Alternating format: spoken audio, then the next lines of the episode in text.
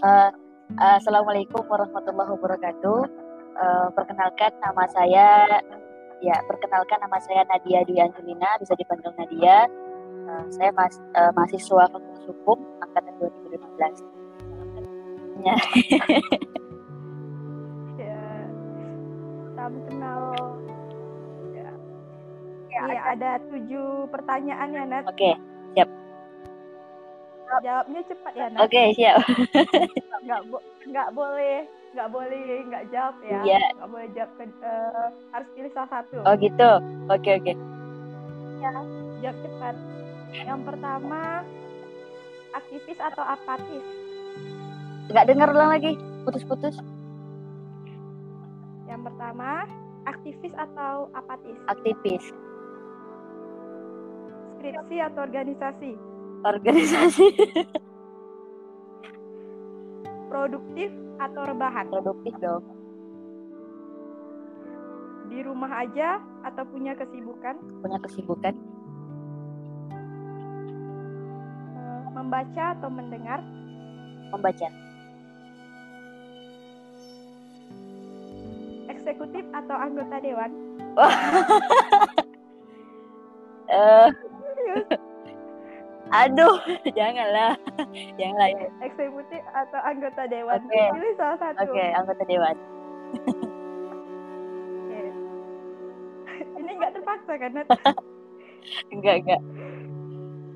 Yang terakhir, aksi massa atau aksi media? Aksi massa. Oke. Nah, kita bahas satu-satu ya. Memang menjebak kali pertanyaannya. Oke, oke, oke.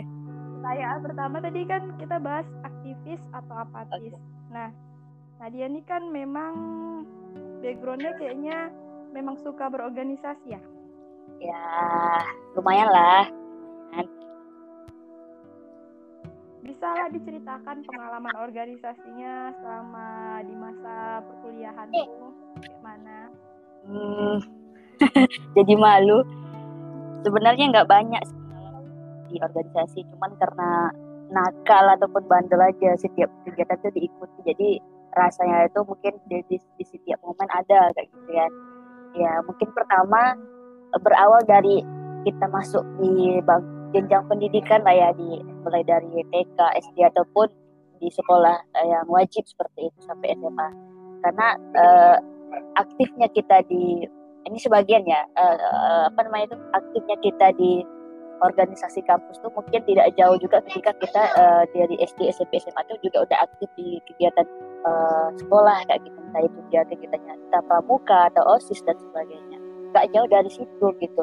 Uh, biasanya orang yang akan ak ikut aktif di kampus tuh seperti itu. Tapi ada juga kadang orang yang mungkin ketika di SMA atau SMP SD-nya dulu dia nggak aktif dan dia merasa ini saatnya aku untuk mencoba masuk ke zona yang baru. Ada juga yang seperti itu Nah, berarti bagi Nadia, Nadia hanya sekedar melanjutkan saja apa yang ingin yang yang Nadia inginkan sejak dahulu gitu. Karena di SMA, Bu, Nadia e, memang sudah menginginkan gimana caranya supaya nanti ketika Nadia kuliah itu Nadia memang harus aktif juga sebagai aktivis mahasiswa seperti itu. Tapi di awal, di awal kuliah itu semester 1, 2, 3, 4, 5 itu kan ibaratnya itu kita masih boleh dikatakan anak bawang lah ya karena kita uh, uh, mendaftar kemudian kita mengikuti apa yang diarahkan sama senior seperti itu. Entah itu mungkin program kerja entah itu uh, apa namanya kegiatan event-event organisasi seperti itu. Belum belum memahami ihwal sebenarnya kenapa sih kamu harus ada di organisasi? Sebenarnya apa sih uh, kenapa kamu harus ada di sini? Apa manfaat kamu buat orang banyak? Itu belum belum terpikirkan sampai situ. Nah sekarang mungkin karena udah dikatakan cukup tua juga lah ya usia Nadia udah semester 10 kayak gitu. Masih masih di, diberikan kesempatan untuk masih bergabung masih melanjutkan amanah. Nah di sini Nadia baru bisa berpikir bahwa menjadi aktivis itu tidak hanya sekedar menjalankan event-event tapi juga bagaimana mendengarkan aspirasi aspirasi entah itu aspirasi dari mahasiswa ataupun mendengarkan aspirasi dari uh, masyarakat seperti itu mungkin mungkin ini, ini berpengaruh karena jenjang tadi kan jenjang organisasi yang kita ikuti tadi seperti itu. Nah, mungkin proses itu pencarian. iya proses mencari jati diri lah ya di mana nyaman nyamannya kita iya. ternyata Nadia setelah basic Nadia kan dari awal kan Bu itu kan di bagian administrasi ya dari awal tuh Nadia di bidang sekretariat oh. sekretaris dinas kemudian wakil sekretaris umum ini bukan menyombongkan uh, amanahnya tapi maksudnya itu apa? Job yang diberikan yeah. orang ke kamu oh, gitu. uh. job yang diberikan orang apa gitu. Ya bagi masih bagian administrasi. Saya tidak mengatakan kalau administrasi itu mudah sulit sebenarnya karena administrasi ini kan di bagian atau di, di bidang organisasi juga seperti itu. Cuman yang menjadi pertanyaan saya adalah apa sih arti dari aktivitas mahasiswa? Nah ini yang menjadi pertanyaan tanda-tanda besar di diri saya kan gitu. Nah, akhirnya saya mencoba untuk hijrah ke BEM Unri. Nah, karena kalau di fakultas kan cakupannya kecil kan ruang lingkupnya ruang lingkupnya cuma fakultas.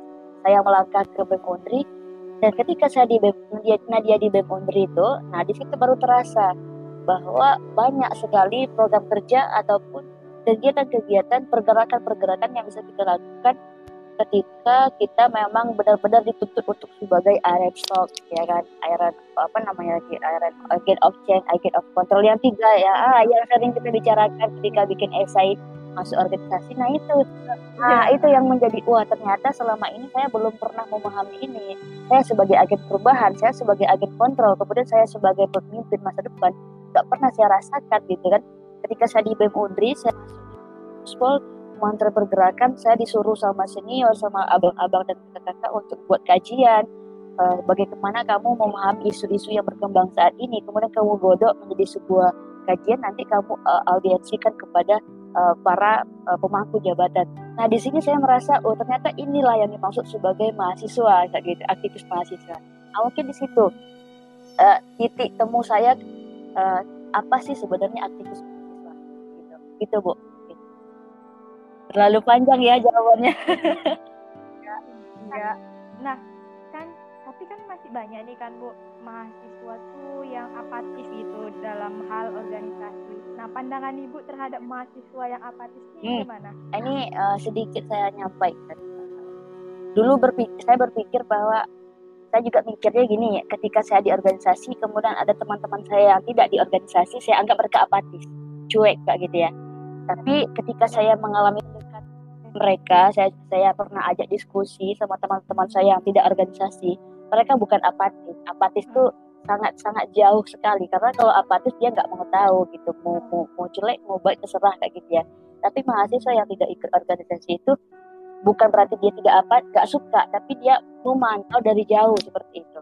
Nah, jadi mereka sebenarnya orang-orang yang mendengarkan juga. Makanya ada hatersnya organisasi kan. Haters organisasi itu mereka nggak masuk di situ mereka nggak ikut di dalamnya tapi mereka memantau oh bem kayak gini oh bem kayak gitu bem kayak ya, kayak gitulah yang sering terjadi. Jadi saya menganggap bahwa tidak ada yang namanya mahasiswa apatis.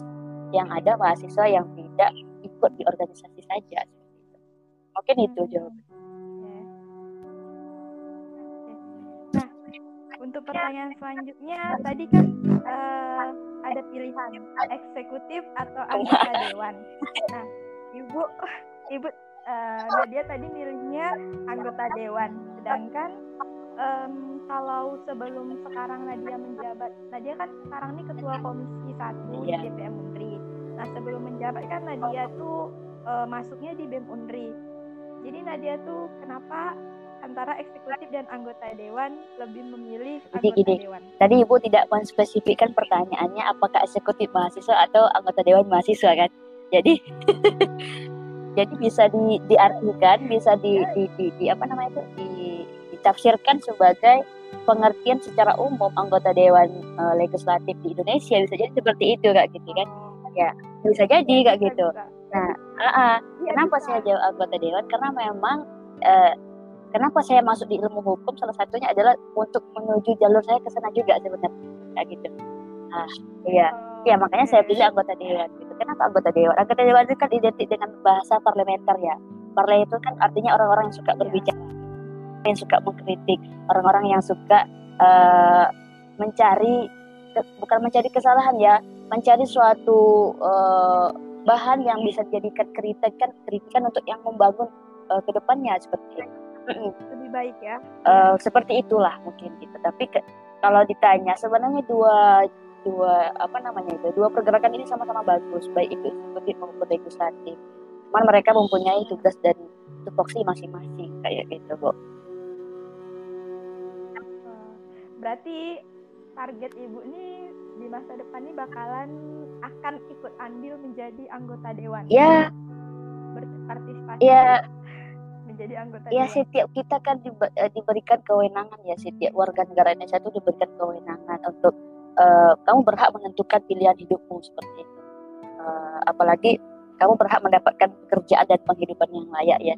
Undang-undang memberikan pengertian seperti itu. Saya mengatakan uh, anggota dewan itu sebenarnya profesi ya. Uh, profesi kamu apa gitu. Cuman di luar dari itu saya ingin menyampaikan uh, apa ya?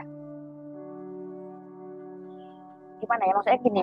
Uh, ketika saya belajar tentang hukum tata negara, uh, di kampus bu gitu ya. Uh, belajar tentang apa saja sebenarnya uh, organ-organ lembaga yang ada di negara kita entah itu eksekutif ataupun legislatif ataupun yudikatif nah ketika saya saya mau meneliti itu seperti itu saya merasa untuk hal yang paling enak untuk dikaji itu adalah di dewan legislatif. Karena setiap orang bisa jadi anggota dewan gitu. Beda dengan presiden. Presiden memang gitu juga. Setiap orang bisa jadi presiden, tapi presiden cuma satu orang kan gitu. Ya kan? Peluangnya lebih lebih lebih sulit gitu. Kalau anggota dewan bisa misalnya anggota dewan di kabupaten dulu ya yang tingkat terendah kita minimal ketika saya diskusi dengan beberapa dewan yang pernah saya ajak diskusi kalau kamu ingin jadi anggota dewan itu minimal kamu kalau di kabupaten itu mendapatkan suara 200 ribu kayak gitulah ya di ranknya dibuat uh, di provinsi kamu harus dapatkan 800 ribu. Targetannya udah ditentukan. Jadi kalau seandainya kamu pengen naik itu yang pertama kamu pasti punya punya skill ya punya kemampuan. Entah itu kemampuan kamu berbicara entah apalah terserah. Tidak juga dari anak hukum juga. Bahkan anak ekonomi pun bisa jadi anggota dewan. Itu yang pertama. Yang kedua modal itu akan ikut sendiri. Katanya ya kata-kata anggota dewan. Jadi jangan berpikir kalau kalau mau jadi anggota dewan itu harus punya duit banyak kemudian harus punya relasi yang kuat. Yang kamu butuhkan adalah mental kamu kayak gitu.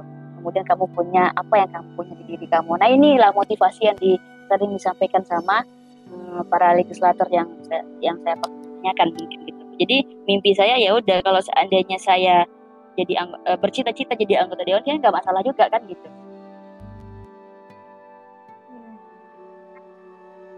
Nah oke selesai bu sekarang selanjutnya tadi tentang skripsi atau organisasi. Nah ini menarik nih bu. Sepertinya sangat menarik. Alasan lebih memilih organisasi daripada skripsi. Apakah sudah terlalu oh. mencintai jalan iya, benar. Ya. Jalan-jalan ini atau gimana? Uh, saya selalu menyampaikan kepada baik itu ketika saya dulu masih di interview, ketika masih jadi anak bawang, ataupun sekarang ketika saya menginterview mahasiswa yang mau masuk organisasi saya selalu saya, selalu mengatakan uh, organisasi kuliah itu nomor satu ya. Kuliah itu nomor satu tapi organisasi yang utama. Itu itu itu prinsipnya. Jadi maksudnya apa? Saya ingin mengatakan selagi kamu duduk di kampus selagi kamu masih aktif sebagai mahasiswa maka saya akan aktif juga di organisasi. Tapi saya tidak akan meninggalkan perkuliahan saya karena itu tujuan awal kita ketika masuk dulu gitu ya mendapatkan gelar. Itu udah pasti kamu kuliah kamu dapatkan gelar kamu wisuda kamu skripsi itu udah pasti gitu. Tapi ketika kamu kuliah selama kuliah itu apakah apa saja yang udah kamu lakukan kan gitu? Apa saja? Kalau kalau orang lain kuliah belajar itu juga sama. Maka yang yang menjadi pembeda kamu adalah ketika kamu mendapatkan suatu ilmu di luar dari bangku pilihan kamu. Di mana ya di organisasi tadi? Nah di di situlah uh, ibaratnya kenapa saya mengatakan organisasi lebih penting dari skripsi. Nah, seperti juga uh, Bung Rocky pernah mengatakan skripsi itu tan ya skripsi lah ya. Anggaplah ijazah. Ijazah boleh ataupun skripsi itu tanda bahwa kamu tuh uh, pernah kuliah gitu. Bukan tanda kamu pernah berpikir. Jadi saya nggak mengerti saya nggak mengatakan skripsi itu nggak penting-penting gitu. Tapi ketika itu wajib. Wajib akan kamu lakukan. Yang fardunya itu skripsi gitu tapi ketika ada hal sunnah yang bisa kamu kerjakan kenapa, kenapa tidak kayak gitu Nah, selagi sekarang kamu masih diberikan amanah, kemudian masih ada waktu jangka waktu perkuliahan yang digunakan, pemerintah memberikan jangka waktu tujuh tahun untuk kamu uh, mengenyam pendidikan S1 gitu ya. Maksimalkan seperti itu, tapi tidak tergantung komunikasi kamu dengan orang tua juga kayak gitu. Uh, bagaimana komunikasi jangan sampai nanti ada miskomunikasi uh, bahwa kamu melalaikan perkuliahan kamu, kamu main-main di kampus. Itu jangan sampai terjadi lah buat teman-teman gitu. Nanti ketika saya ngomong seperti ini, oh berarti nah dia tidak membandingkan. Enggak, saya sudah diskusi dengan orang tua saya, saya sudah sampaikan. Kenapa saya tidak tidak tamat tahun ini, kenapa saya harus menambah satu tahun lagi, apa yang saya lakukan di kampus ini yang saya sampaikan ke orang tua. Nah, ya tapi saya ingin mengatakan bahwa semuanya penting, tapi kembali lagi prinsip saya adalah kuliah nomor satu organisasi yang Mungkin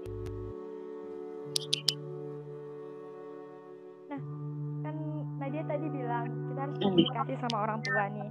Kalau misalnya orang tua kita nggak mendukung pilihan kita itu gimana? Misalnya kita milih organisasi, tapi orang tua inginnya kita cepat gitu untuk selesai kuliahnya. Itu gimana? Itu kan banyak tuh dihadapin oleh beberapa Oke, okay. ini ada dua kemungkinan ya jawabannya. Yang pertama, ini jawaban yang pertama adalah kamu lebih beratkan tetap lanjut organisasi, berarti kamu menentang orang tua. Nah, awalnya mungkin orang tua akan akan marah-marah, tapi yang namanya orang tua dia tidak akan selamanya marah-marah, pasti akan lama makin lama makin reda juga gitu. Ya udah terserah kamu lah kalau kamu pandai bertanggung jawab ya udah laksanakan. Nah, itu pasti pertama gitu ya kalau menurut Nadia. Kemudian yang kedua, hmm. kamu bisa ikutin kata orang tua jika seandainya orang tua kamu itu sudah benar-benar gak ingin lagi kamu. Oh salah lagi lanjut, udahlah selesaikanlah, tamatkanlah kuliah. Ya udah ikutin saja kata orang tua. Karena apa? Bakti kamu, eh, pengabdian kamu itu tidak hanya di kampus saja. Organisasi tidak hanya di kampus. Amanah kamu tidak hanya di kampus. Luar sana juga banyak, bahkan lebih besar tanggung jawab kamu luar sana. Itu saja mungkin jawabannya.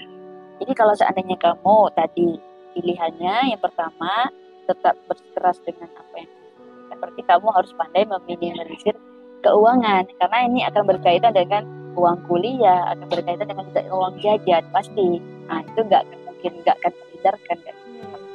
Kita dapat uang dari mana ya? Dari orang tua. Kalau seandainya orang tua kamu marah dan dia berarti gini oke okay, kalau kamu pengen lanjut lagi kita tidak akan bayarkan uang kuliah kamu. Berarti kalau kamu pandai mengambil komitmen oke okay, silahkan kamu ambil komitmen oke okay, gak apa-apa. Saya akan lanjut ke uh, organisasi saya akan saya maka saya akan cari pekerjaan untuk menanggulangi uang kuliah nah itu itulah pilihan paling paling paling apa ya paling beratnya. Mentoknya di situ. Tapi rasa-rasanya gini lah. Selama saya survei juga tinjau juga teman-teman saya ya di beberapa kampus yang ibaratnya tak lama tamat kuliah bukan lama bukan lama sih ya tapi kalau bagi saya normal lah ya. Normal juga sih uh, lima atau iya. tujuh. Nggak lah nggak apa-apa kok gitu. Cepat lambatnya kamu ya kan iya benar. jangan DO. sampai do gitu ya. Kalau do kan jadi ya. Maksud saya gini cepat atau lambatnya kamu tamat tuh nggak menentukan juga. Kamu akan sukses ke depannya kayak gitu. Nah, tergantung perbuatan kamu ya. juga tamat pun tidak setengah tahun kamu saat ini dengan IPK 4 misalnya kamu kublot sum kublot bahkan di kampus puncak satu apalagi gitu. Ujung-ujung juga kamu pasti akan daftar CPNS juga kayak gitu kan. Kemudian kamu juga pasti akan mulai dari nol juga. Cuman yang membedakan kamu yang lain ya kamu cepat tamat. Jadi kamu ada peluang lebih duluan dibandingkan teman-teman yang lain untuk jadi pekerjaan. Itu saja sebenarnya. Iya. jadi bagi saya ya udah bagi teman-teman yang merasa keberatan ada tuh seni, uh, saya diskusi sama teman lagi dibilang kayak gini kalau kamu hanya jadi benalu di organisasi kamu merasa kamu pengen ting- kamu pengen lanjut organisasi tapi kamu pikirannya bercabang-cabang yang satu kamu setengah hati yang satu kali kamu ingin lanjut ya udah kamu keluar saja. Jangan jangan ada setengah hati kalau kalau bahasa separuh ya ceburkan aja semuanya ke sungai kayak gitu. Gak boleh nanggung ah gak boleh nanggung nanggung yeah, yeah, kalau iya. seandainya kamu kayak gitu nanti gak akan ada yang dapat yang kamu dapatkan. Semuanya setengah-setengah kayak gitu di organisasi kamu nggak nggak nggak fokus di TA kamu juga nggak selesai apa yang kamu dapatkan? Jadi mending kamu pilih salah satu. Kalau kamu seandainya nggak uh, lebih takut dengan orang tua ya udah selesaikan TA-mu keluar dari organisasi di kampus ya. Nah di di luar kampus kan masih banyak lagi bisa kamu ambil contoh misalnya. Tapi organisasi kepemudaan banyak tuh di kampus kan eh di luar kampus. Ataupun semacam komunitas-komunitas di, di, di desa ataupun komunitas di RT di lingkungan kamu. Bahkan kan ini karena mahasiswa kan sempit kali kalau pikirannya hanya bisa aktif di kampus saja. Bah, bah karena di luar sana banyak loh komunitas-komunitas yang kamu ikutin yang bisa menjadi sebagai penunjang uh, uh, masyarakat kayak gitu. Karena masyarakat kan tidak semua yang yang sarjana ya kayak gitu di situlah peran kamu sebagai sarjana yang bisa memberikan edukasi kepada masyarakat. Kayak gitu sih kalau menurut saya ya bu. Iya. Mantap. Keren. Ya. tapi kalau ditanyakan ke Nadia ya karena bukti yang sekarang Nadia masih lanjut ya ya berarti jawabannya itu tadi komunikasi tadi dengan orang tua. Saya mikir juga berarti Nadia ini adalah salah satu anak yang memang oh, harus. iya memang bu itu kunci utama. karena kalau sampai kita miskomunikasi dengan orang tua ini akan sulit ke depannya. Doa orang tua kan doa doa untuk memperlancar dia dan anaknya itu sih akan, akan terjadi kan. Karena orang tua ya udah kalau kayak gitu keinginan kamu semoga kamu sukses nanti ke depannya. Kemudian apa yang kamu kerjakan itu lancar. Itu kan doa mereka. Kalau kita nggak dapatkan doa itu kita juga sia-sia kayak gitu kan tapi memang pada awalnya kalau ditanya ayah ayah Nadia pasti marah awalnya ibu Nadia pasti marah. Lah orang karena normal kan orang orang udah habis kuliah habis KKN seharusnya ngerjain skripsi. Yeah. kamu nilai kamu aman lah ibaratnya nggak ada yang perlu diulang lagi mata kuliahnya. Kamu harus tunda-tunda kayak gini. Yeah. ya itu saya kita jelaskan kayak gitu ya sesuai dengan uh, apa tadi amanah yang kamu diberikan kepada kamu. Gitu sama juga kayak ibu kan ibu juga kan kayak gini sama dengan Nadia sama-sama kita masih merelakan satu tahun kita untuk beramanah di kampus tapi bagi saya saya tidak menyesal ya karena uh, pengalaman ini tidak akan bisa terulang dua kali. Iya. gitu. Kita hidup cuma sekali. Uh, mungkin orang pernah mengatakan kesempatan bisa datang dua kali. Iya kesempatan itu bisa datang dua kali tapi dengan waktu yang berbeda. Nah, beda dengan kita di kampus S1 ketika kita kuliah S1 kita nggak akan bisa mengulangi lagi di S2 ataupun S3 kalau kamu lanjut juga gitu. Beda nanti. Jadi maksimalkan saja anggaplah masa masa S1 masa-masa masa-masa nakal kamu lah ya kayak gitu. Masa-masa masa barbar lah ya kayak gitu ya. Iya, iya, iya. Eh, nggak uh, main-main juga sih tapi menikmati lah gitu. oke oke. Itu kan panjang kan jawabannya tapi keren serius. Ya Allah. Banyak catatannya ini udah satu lembar. Ya harus dicatat karena setiap perkataan okay. orang itu sangat mempengaruhi bagi diri anda sendiri. Selanjutnya tadi tentang kan ini kan selama pandemi ini kan kita agak kesulitan gitu kan. Uh, nah untuk yang namanya itu aksi massa gitu. Kebanyakan dari kita tuh dari organisasi internal kampus itu jadinya tuh lebih banyak di aksi media. Nah dari Nadia sendiri tadi memilih ke lebih memilih untuk aksi massa. Kenapa Nadia memilih ya. daripada aksi media? Sebenarnya gini kita tahu bahwa sekarang zaman generasi apa namanya itu ya? Apa namanya itu 4.0 itu ya? Ah ya. Ibaratnya itu semua itu ber, berkaitan dengan teknologi sekarang kan gitu ya kan? Cuma uh, bahkan ketika ada suatu kasus di desa terpencil misalnya ketika itu diviralkan sama seseorang itu akan beribu bahkan jutaan orang bisa ya tapi ini beda kasus. Ini beda kasus dengan ketika mahasiswa mengambil kebijakan yang bertentangan dengan pemerintah. Itu beda kasus. Kalau menurut Nadia kayak gitu.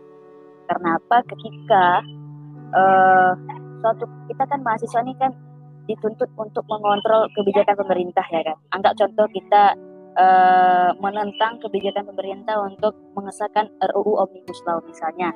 Ya kan, aktivis mahasiswa kayak gitu biasanya. Dia meng uh, ya. karena apa nanti ketika seandainya undang-undang ini iya. disahkan, maka akan terjadi berbagai kepentingan di dalamnya. Akan akan salah satunya kayak gini, mempermudah uh, uh, perizinan investasi seperti itu, perizinan investasi untuk uh, korporasi-korporasi asing. Ini mungkin uh, ada posisi, sisi positif negatifnya.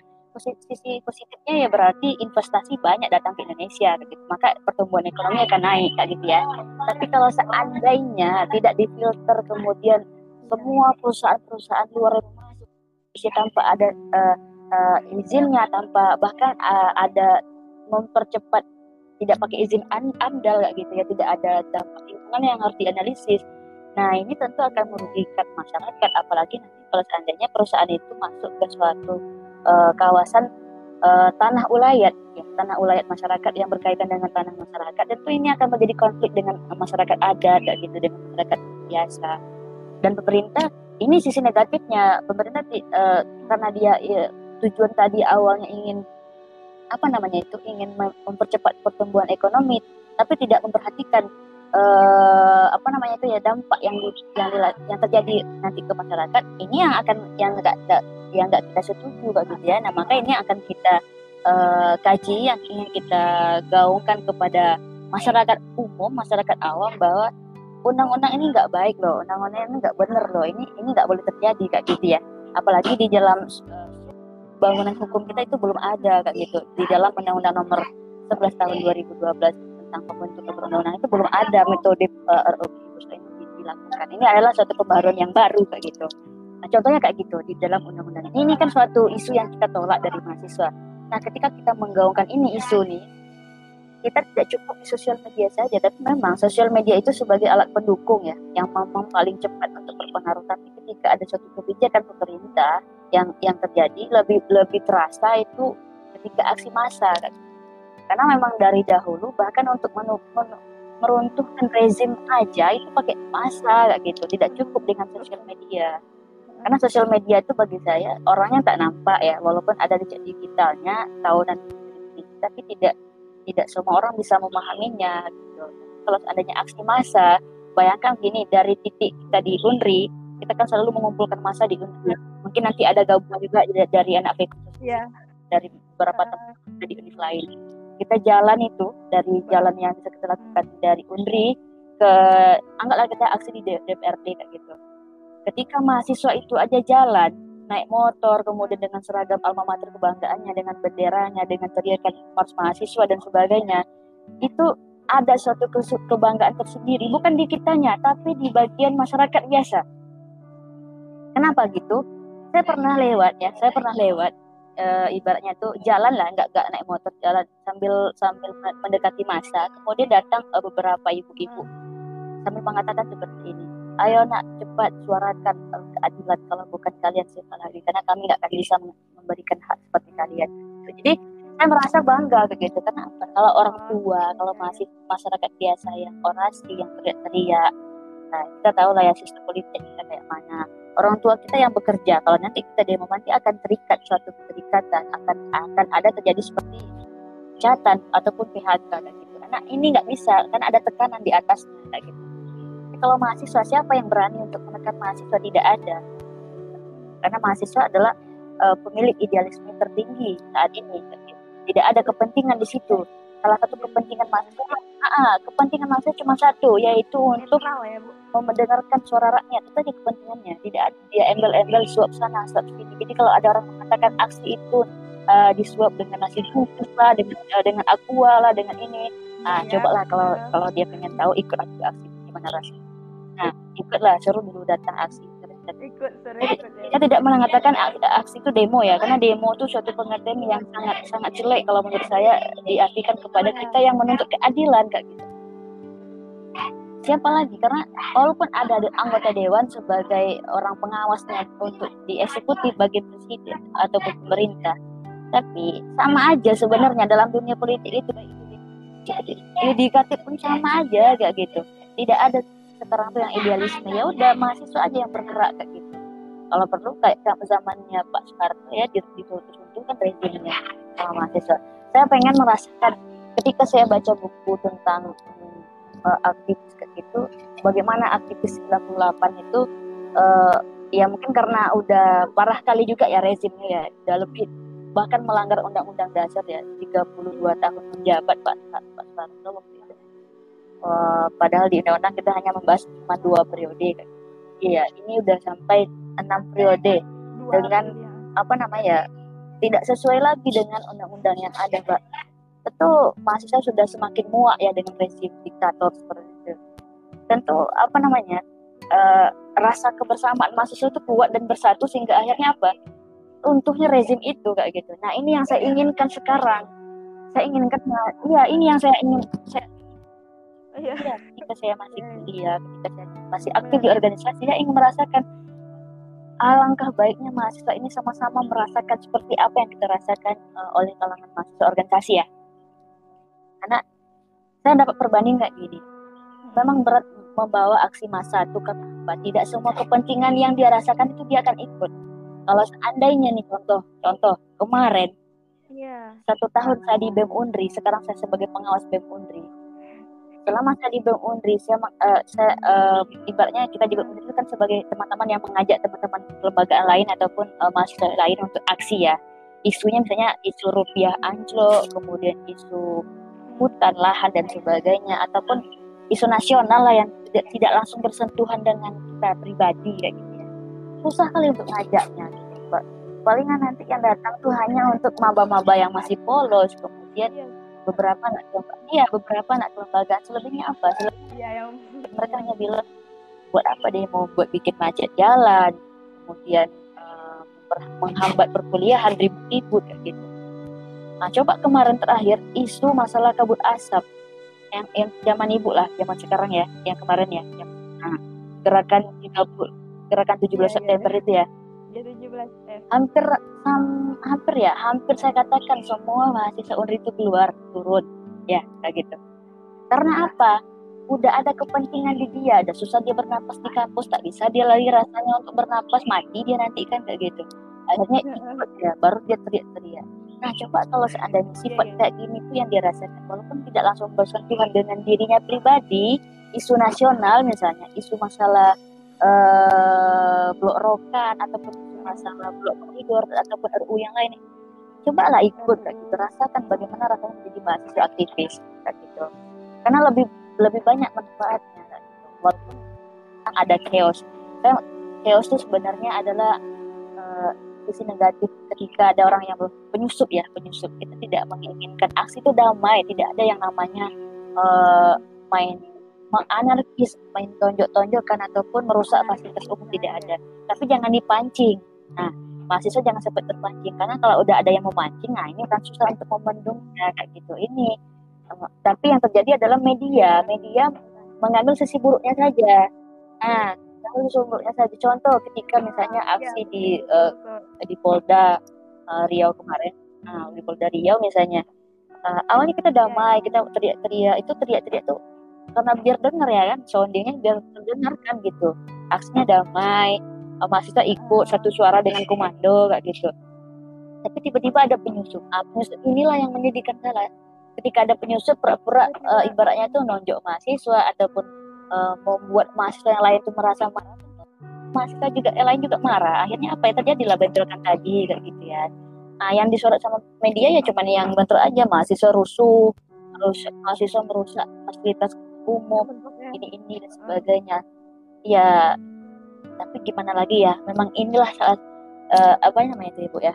Kalau saya katakan memang inilah salah satu dampak kalau mahasiswa itu berjuang akan ada terus yang menghalangi.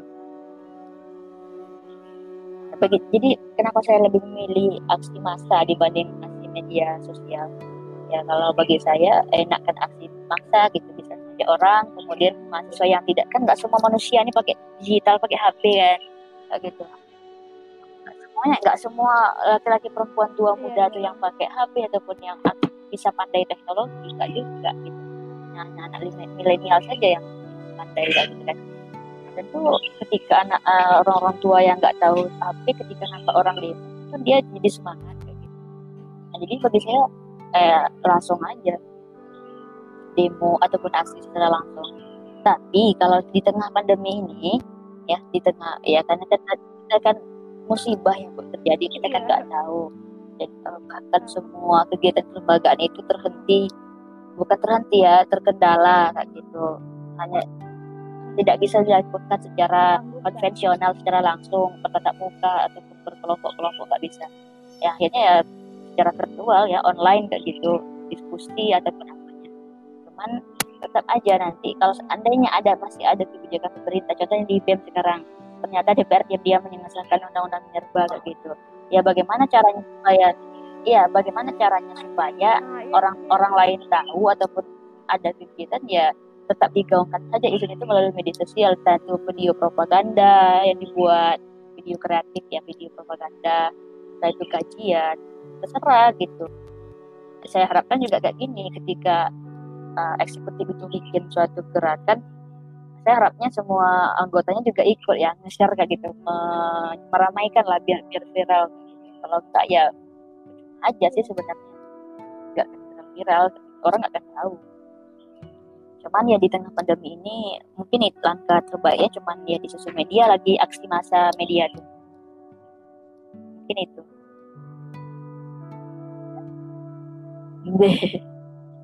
Luar biasa bu. Luar biasa banyak kali kita bahas ya. Iya di kampung. Kan, baru dua minggu. di kampung ya? Baru dua minggu. Tadi ada berapa lama di kampung? Oh udah dua minggu. Berarti udah oh udah jadi ada cerita menarik di, mandiri di rumah ya. Jadi gini sebenarnya kan kalau untuk di daerah yang nggak iya. zona merah zona merah itu yang tidak ada positif ya. Mungkin uh, pembatasan sosialnya itu tidak terlalu hmm. tidak terlalu ketat kayak gitu dia yang terjadi itu mungkin di wilayah PSBB yang banyak uh, kasus positif ataupun PDP, PDP-nya lah gitu ya. Kemarin memang kita nih kita ya yang mahasiswa di Pekanbaru kan rata-rata tinggal di Pekanbaru dengan zona merah banyak yang positif balik kampung tentu harus mengikuti arah pemerintah untuk karantina mandiri. Karena nanti takutnya walaupun kita sehat walafiat kita balik kampung tiba-tiba kita ber, ber apa? Ya membawa virus ternyata. Kita kebal orang lainnya yang kena kayak gitu. Jadi mau nggak mau ya memang harus diam di rumah kan bu. Bayangkan bu Ana sejak bulan Februari Maret April itu di kos tuh mungkin hampir tiap hari ya. Yang dahulu kita mungkin cuman malamnya doang gitu. Rebahan ya. Dulu kalau dulu kita cuma ya, bang rebahan doang di kasur di kos kayak gitu. Kalau sekarang tuh dari pagi ke pagi gitu ya. Kuliah online kemudian organisasi juga online kita ke kampus bahkan keluar pun pakai masker jaga jarak social distancing dengan orang lain kayak gitu ya. Bikin pertama awalnya gini pernah saya Nadia diskusi ataupun ngisi materi ke teman-teman membuat tips supaya nggak bosan. Karena bosan juga bu sampai di, di kos beberapa bulan-bulan tuh. Bosan gitu. Uh, jujur saja rebahan itu memang enak tidur tuh memang enak tapi tidak selamanya tidur tuh enak bikin pusing juga sakit kepala juga coba lagi tidur dari jam 6 pagi ke jam 6 pagi biasanya pasti pusing bu sakit pinggang kemudian untung masih ada internet ya ataupun wifi lah yang bisa kita mainkan media kita nengok situasi di, di sana di, di, di apa di media kayak mana dengan hmm. ada pandemi ini kalau nggak ada tambah lagi Oke, kalau ada buku kita bisa baca, bisa khatamkan beberapa buku. Kemudian skripsi kita bisa kita ketik. Tapi ada saat ada saat juga ada saat juga tuh kita ingin keluar bu. Karena memang karena apa? Kita manusia kata Aristoteles makhluk sosial ya zon politik bisa nggak bisa dia sendiri hidup gitu. Memang harus ketemu orang lain. Ya. minimal dia menggibah lah ya. Diskusi gitu. Ujung-ujungnya dia orang lain gitu. Ya, ada ya, shocknya ya, terjadi ya, di situ. Tapi ya saya mikirnya gini. Oke okay, mungkin karena uh, apa uh, memang ini adalah suatu wabah yang tidak bisa kita hindarkan ya kita mau nggak mau harus di rumah. Nah sampai di rumah pun sekarang kemarin saya tinggal tiga tiga April saya eh, tiga Mei saya pulang. Kan karena dia tiga Mei sampai 16 Mei saya di rumah. Ya saya merasa lucu aja dengan orang tua saya nggak sentuhan. Jaga jarak. Ya lucu gitu. Tapi ya bagaimana lagi ya Iya di kamar. Iya di kamar. Jadi ibu di kamar aja keluar lah. tuh ya, cuman mandi. Memang nggak ada makan ambil nasi ya kalau biasa ya lah ya. Tapi nggak lama makanya di sini juga. Terus nanti ya, ya itu nggak bisa ke mana-mana. Ba uh, barulah tanggal 16 kemarin udah selesai. Tanggal 17 nya saya ke masjid tuh sholat taraweh 17 nya saya ke masjid. Terus orang nanya lah Nadia kapan pulang? kata ibu-ibu sama warga di situ kan nah itu saya jawab saya pulang dua minggu yang lalu. Loh ke mana aja? Kok nggak nampak? Terus saya bilang saya karantina diri ya kayak gitu. Oh iya iya iya iya tidak apa-apa di kampung kita ini tidak ada corona do dibilangnya kayak gitu sama ibu-ibu saya juga kayak gitu emang sih bu alhamdulillah di kampung kita nggak ada corona tapi takut nanti Iya, kalau iya. saya bawa virus karena saya dari zona merah gitu gitu. Oh iya juga ya. Sama saya. sebenarnya edukasi bu edukasi yang perlu kita sampaikan ke masyarakat gitu Sih. Karena kebanyakan yang dari pedesaan tuh memang kurang informasi. ya kurang apa ya kurang informasi lah tentang bahkan ada yang viral kemarin kan saya pernah tengok di sosial media orang tuanya melarang anaknya pulang karena jangan pulang dari bawa virus kayak gitu. Jadi karena kurangnya informasi tadi makanya orang orang tua sampai takut. Tapi memang benar Bahkan Ah. ada sampai itu loh bu. Eh, nengok di berita kan eh, karena anak yang mudik itu sampai dibacok gitu gara-gara ya jadi karena kurang edukasi tuh jadi iya asal apa ya asal sampai orang tua Nadia tuh bu sendiri kemarin. Gitu. pas Nadia telepon ah, ayah Nadia mau pulang. Ah kakak sehat kan? Kayak gitu. Serius mau pulang. Nggak apa-apa kan nggak ada virus kan. Sampai gitu parnoan kali. Terus terus Nadia bilang nggak terus Nadia bilang kayak gini Nadia sehat kok ayah. Alhamdulillah. Terus coba nanti di perjalanan kan di tes tuh suhu tubuhnya sama petugas keamanan jalan gitu. Ya oh ya udahlah gitu, pulang lah Akhirnya pulang.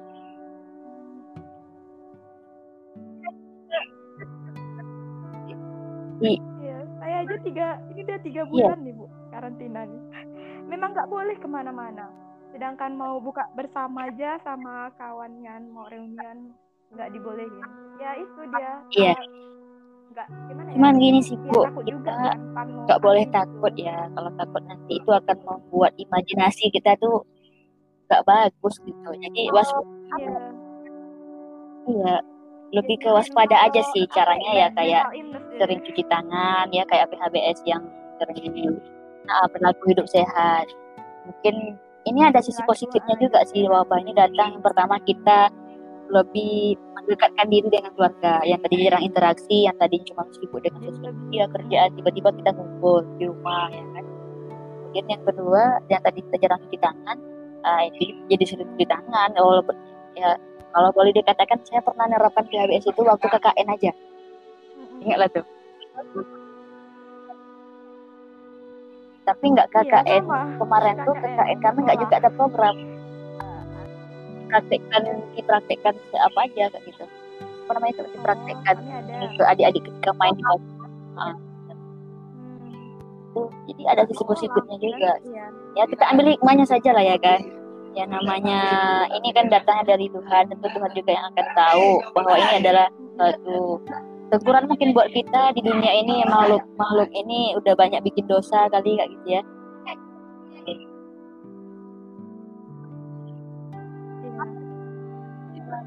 Jadi bu gimana eh, perasaan ibu gimana? Eh, biasanya kan Nadia ini kan ini aktif gitu kan punya kesibukan setiap hari ke sekre yang biasa mak- maksudnya di rumah tuh cuman ibaratnya ke kos tuh cuma malam doang gitu kan Ah. pagi sampai maghrib eh sebelum maghrib tuh Iya. biasanya kan di sekre ada kegiatan Hmm. sibuk terus eh, sekarang ini kita kan di rumah aja ya cara Nadia untuk biar gak rebahan terus biar produktif terus gitu di rumah ya baik Eh, mungkin ada cerita dari awal di Pekanbaru lah ya waktu masih di kos ya. Karena kan eh, masifnya pandemi itu kan di ketika kita masih di bulan Iya. tiga kemarin ya, bulan dua. Bulan dua awal masuk kasusnya ke Indonesia ya itu bulan dua itu yang dibawa Iya, iya. ah, yang dari Depok yang dibawa keluarga Depok itu. Jadi yang tapi mulai datangnya itu kan ketika SK Rektor keluar itu waktu buat eh, kegiatan online ya, platform online, kuliah online kayak gitu. Tapi itu masih Nadia masih nakal tuh, belum belum belum Iya. belum di rumah Nadia, tapi masih apa? Masih jaring ke sekre karena memang ya, hampir tiap hari malahan ke sekre waktu itu. Anak DPM. Ya waktu itu. Nah, Oh, ketika edaran kedua lah yang yang edaran rektor yang bilang kerja dari rumah. Yang pertama kan virtual online. Ya, edaran yang pertama, yang kedua kerja dari rumah atau work from home dan social distancing. Jadi dari situ mulai dijaga jarak ataupun ada kemarin tuh kayak penyebaran desinfektan juga ya kan pakai hand sanitizer juga gitu. Jadi mulailah di kos lagi kan di kos jaga jarak dulu dengan teman-teman. Coba tahu nanti berbahaya. Ternyata iya ini benar-benar berbahaya virusnya kayak gitu. Kan kita belum kenal kan virus corona itu apa. Nah, ketika udah mulai sibuk dengan virtual apa Iya. ya virtual lah ya eh, diskusi online atau rapat online ini jadi suatu tantangan yang baru juga gitu. Banyak tuh diskusi online berjajaran di di sosial media di WA di grup WA diskusi ini diskusi itu entah itu diskusi tentang kepemudaan banyak. Iya, iya. jadi baginya dia gini oh wah ini bagus nih. Karena dia suka diskusi lah ya kan. Maksudnya tuh suka suka bacot lah ya suka bacot gitu dengan orang. Jadi nah dia daftarkan aja semua diskusi online. Banyak kemarin diskusi online kan bu. Biasanya diskusi tentang masalah undang iya diskusi masalah undang-undang tuh bisa ber- bertahap-tahap. Banyak banget. diskusi tentang kebijakan pemerintah juga ada kemudian diskusi tentang ada juga nih grup diskusi tentang diskusi ya diskusi tentang bagaimana menjadi istri yang baik. Eh, semuanya diikuti. semuanya diikuti. Iya diskusi tentang Aisyah Fatimah kemudian tentang istri Nabi dan eh, yang perempuan-perempuan iya ah, ada gitu. Itu diskusi online Islamia jadi ya. waktu kita tuh tersita di situ tersita di situ. Tersita untuk ada kegiatan produktif di situ. Itu yang pertama. Yang kedua karena kemarin tuh lagi marak-maraknya isu omnibus law ya omnibus law. Jadi Nadia tentu baca juga dong gitu ya. Apa sih yang diributkan orang? Tentu kita harus harus segera. Karena kita tuh untuk mengetahui sesuatu tuh yang pertama kita mengetahuinya langsung kejadiannya ya. Yang kedua kita membaca ya kalau ada kalau ada kajian itu kita baca biar kita tahu apa sebenarnya terjadi begitu nah di, ibu tahu lah ya kan berapa jumlah halaman untuk naskah akademik RUU Omnibus Law Cipta Kerja itu seribu lebih kayak gitu. Nggak sampai sih cuma sakit kepala lah gitu.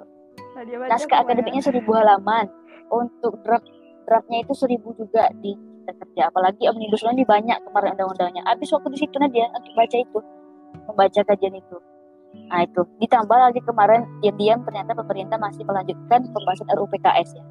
Nah, RUU PKS karena ini ada celah pemerintah mengubah undang-undang P3 pembentukan peraturan perundang-undangan itu yang dahulunya eh, ketika udah ada pembahasan presiden dengan eh, DPR misalnya tapi tidak tidak disahkan gitu ya tidak tidak disahkan pada pada periode saat ini misalnya maka periode saat ini tidak berdiajukan lagi pembahasan itu. Nah yang diubah di dalam Undang-Undang Nomor 15 Tahun 2019 itu adalah boleh lagi dilanjutkan. Kan kemarin kan pe- periode DPR kan udah berakhir ya ya zaman zaman kemarin ya. Kan banyak beberapa undang-undang yang nggak disahkan yang ditunda. Ya Iya, Nah, ternyata mereka ngambil celah di situ. Yang nggak jadi Nah, disahkan, itulah ya. kebijakan politik public policy lah kata orang katakan. Kebijakan politiknya yang ibaratnya pandai kayak gitu lah ya. Ada aja peluang yang dibuat sama mereka sehingga nanti ada bisa lagi untuk- melanjutkan. Akhirnya tentu semangat lagi Nadia untuk membahas RUU PKS. Kemarin itu ada pemateri dari INSIS ya, eh, lupa kepanjangan INSIS itu apa, Institut apalah kayak gitu ya, Islami itu. Dari bapak itu mengatakan, wah memang benar masalah undang-undang yang ada di, di Indonesia ini sedikit ya Bu Nadia diskusi apa pun kebijakan ini terjadi apa pun kebijakan yang dibuat pemerintah itu ada pergejolakannya di masyarakat. Itu terjadi karena masyarakat yang plural banyak ragam.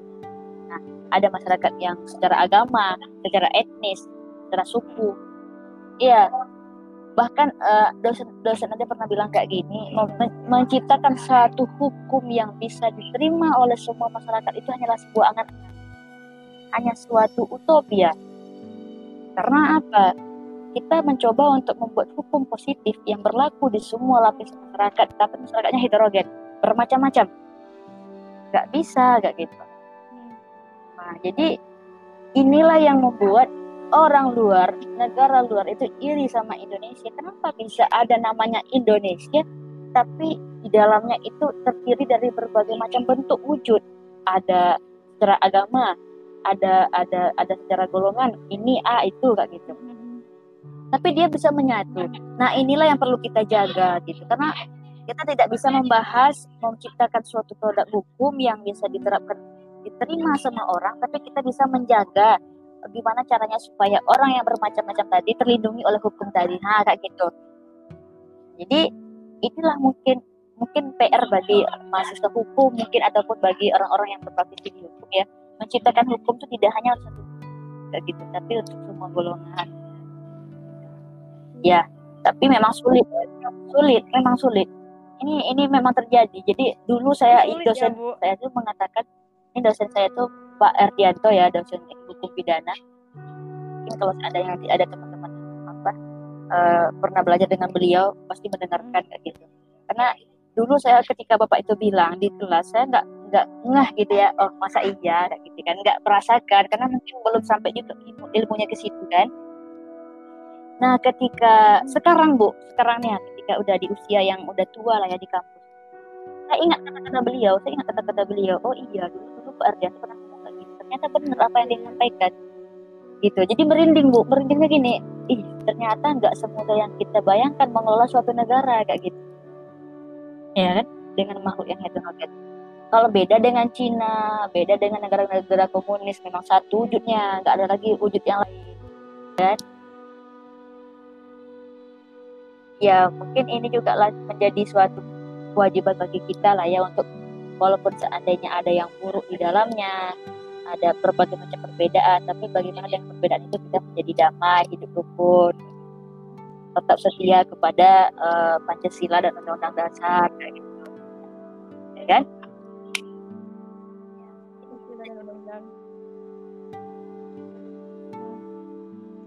luar biasa. Lah Bu, kita sampai ke eh, penghujung ya, penghujung dari podcast ini. Oke, sebelum kita tutup, tadi kan kita udah bahas banyak nih dari mulai Ya Allah. mahasiswa apatis sampai ke kebijakan pemerintah. Ibu udah banyak juga jelaskan. Kalau kalau saya udah satu lembar, eh dua lembar ini udah mencatat gitu kan poin-poinnya. Nah, terakhir lah eh, Nadia kasih closing statement untuk eh, gini, penutup podcast mungkin kita. saya ingin Eh, pesan jangan pernah eh, berhenti ataupun lelah untuk berdiskusi lelah untuk belajar lelah untuk membaca. Karena apa? Dengan kita belajar dengan kita berdiskusi dengan kita eh, membaca tadi pengalaman kita itu bertambah. Itu tadi. Itu poin yang yang harus saya sampaikan. Kalau kita merasa diri kita ini udah hebat misalnya maafkan Nadia misalnya Nadia merasa udah terlalu hebat jangan sampai berpikiran seperti itu. Karena apa? Diskusi kita dengan orang lain orang lain itu lebih banyak pengalaman dari kita. Belajar kita pintar kita tentu orang lain lebih pintar dari kita. Jadi eh, selagi ada waktu dan kesempatan gunakanlah waktu dan kesempatan itu untuk belajar. Belajar bisa jadi membaca bisa jadi eh, berdiskusi gitu. Gunakanlah waktu untuk seperti itu. Yang bermanfaat lah yang produktif. Jadi jangan jadi kaum perubahan yang yang yang apa ya jadi kaum perubahan yang eh, merugikan yang produktif kalaupun kamu tetap di rumah kayak gitu. Mungkin itu